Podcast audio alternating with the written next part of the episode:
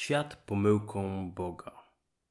Kiedy zaś Pan widział, że wielka jest niegodziwość ludzi na ziemi i że usposobienie ich jest wciąż złe, żałował, że stworzył ludzi na ziemi i zasmucił się.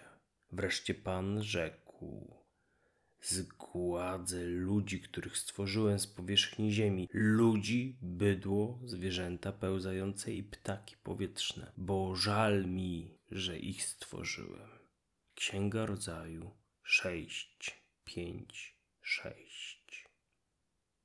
Ciekawe jest to, jak niewiele potrzeba człowiekowi, aby zmienił zdanie, wpadł w inny nastrój, czy zaczął żałować niedokonanych czynów.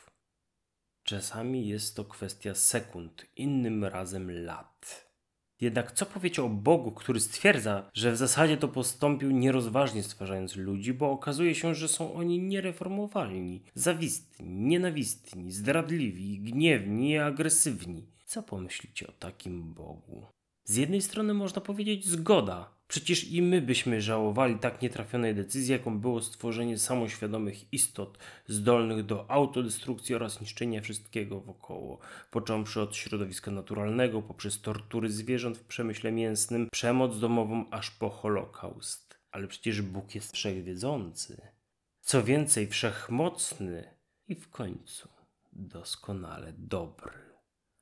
I właśnie dotarliśmy do sedna tak zwanego problemu zła, czyli dlaczego istnieje zło na świecie. Skoro postuluje się istnienie wszechwiedzącego, wszechmocnego i doskonale dobrego Boga, albo w wersji ateistycznej, dlaczego by wierzyć w takiego Boga, skoro istnieje zło na świecie?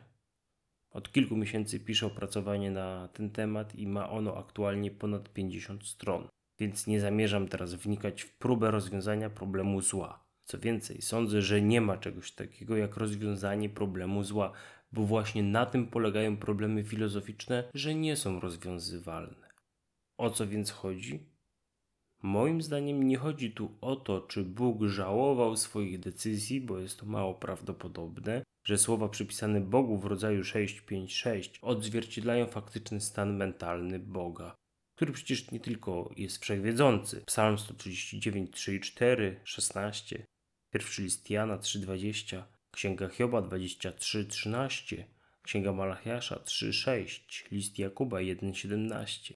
A te dwie cechy wykluczają takie fenomeny uczasowienia jak bycie zaskoczonym czy żałowanie. Gdyby ktoś nadal miał wątpliwości, to wystarczy, że przeczyta tekst z Księgi Liczb 23:19, w którym użyte jest to samo słowo hebrajskie naham. Bóg nie jest śmiertelnym, aby kłamał, ani nie jest synem człowieka, by żałował. O co więc chodzi? Po raz drugi. Sądzę, że autorzy biblijni doskonale zdają sobie sprawę ze zła tego świata, a dokładniej z pierwotnego zła, które leży gdzieś głęboko na dnie każdego człowieka. I to jest moim zdaniem sedno przesłania cytowanego na początku tekstu Księgi Rodzaju. Dziwię się więc ludziom wierzącym, którzy na siłę doszukują się w tym świecie dobra, starają się go wybielić, bo sądzą, że w ten sposób obronią Boga, że ten świat jednak nie jest taki zły, ale to jest farsa. Przecież sam Bóg mówi, że świat jest zły i trzeba go zniszczyć, a uczniowie Jezusa powtarzają tę myśl w Nowym Testamencie, ukazując chwalebny powrót Jezusa, paruzję, jako analogię do historii o potopie. Drugi list Piotra 3, 3-10.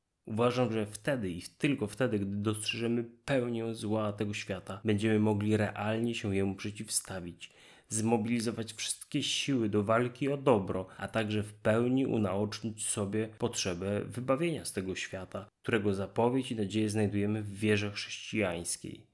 Jeżeli religianci się z tym nie zgadzają, to sądzę, że mogą mieć problem w niebie i to z samym Bogiem, który nie tylko ten świat już raz zniszczył, ale właśnie szykuje się do drugiej rundy. Dziękuję za uwagę i do usłyszenia. Sensoholik, czyli Konrad Pasikowski.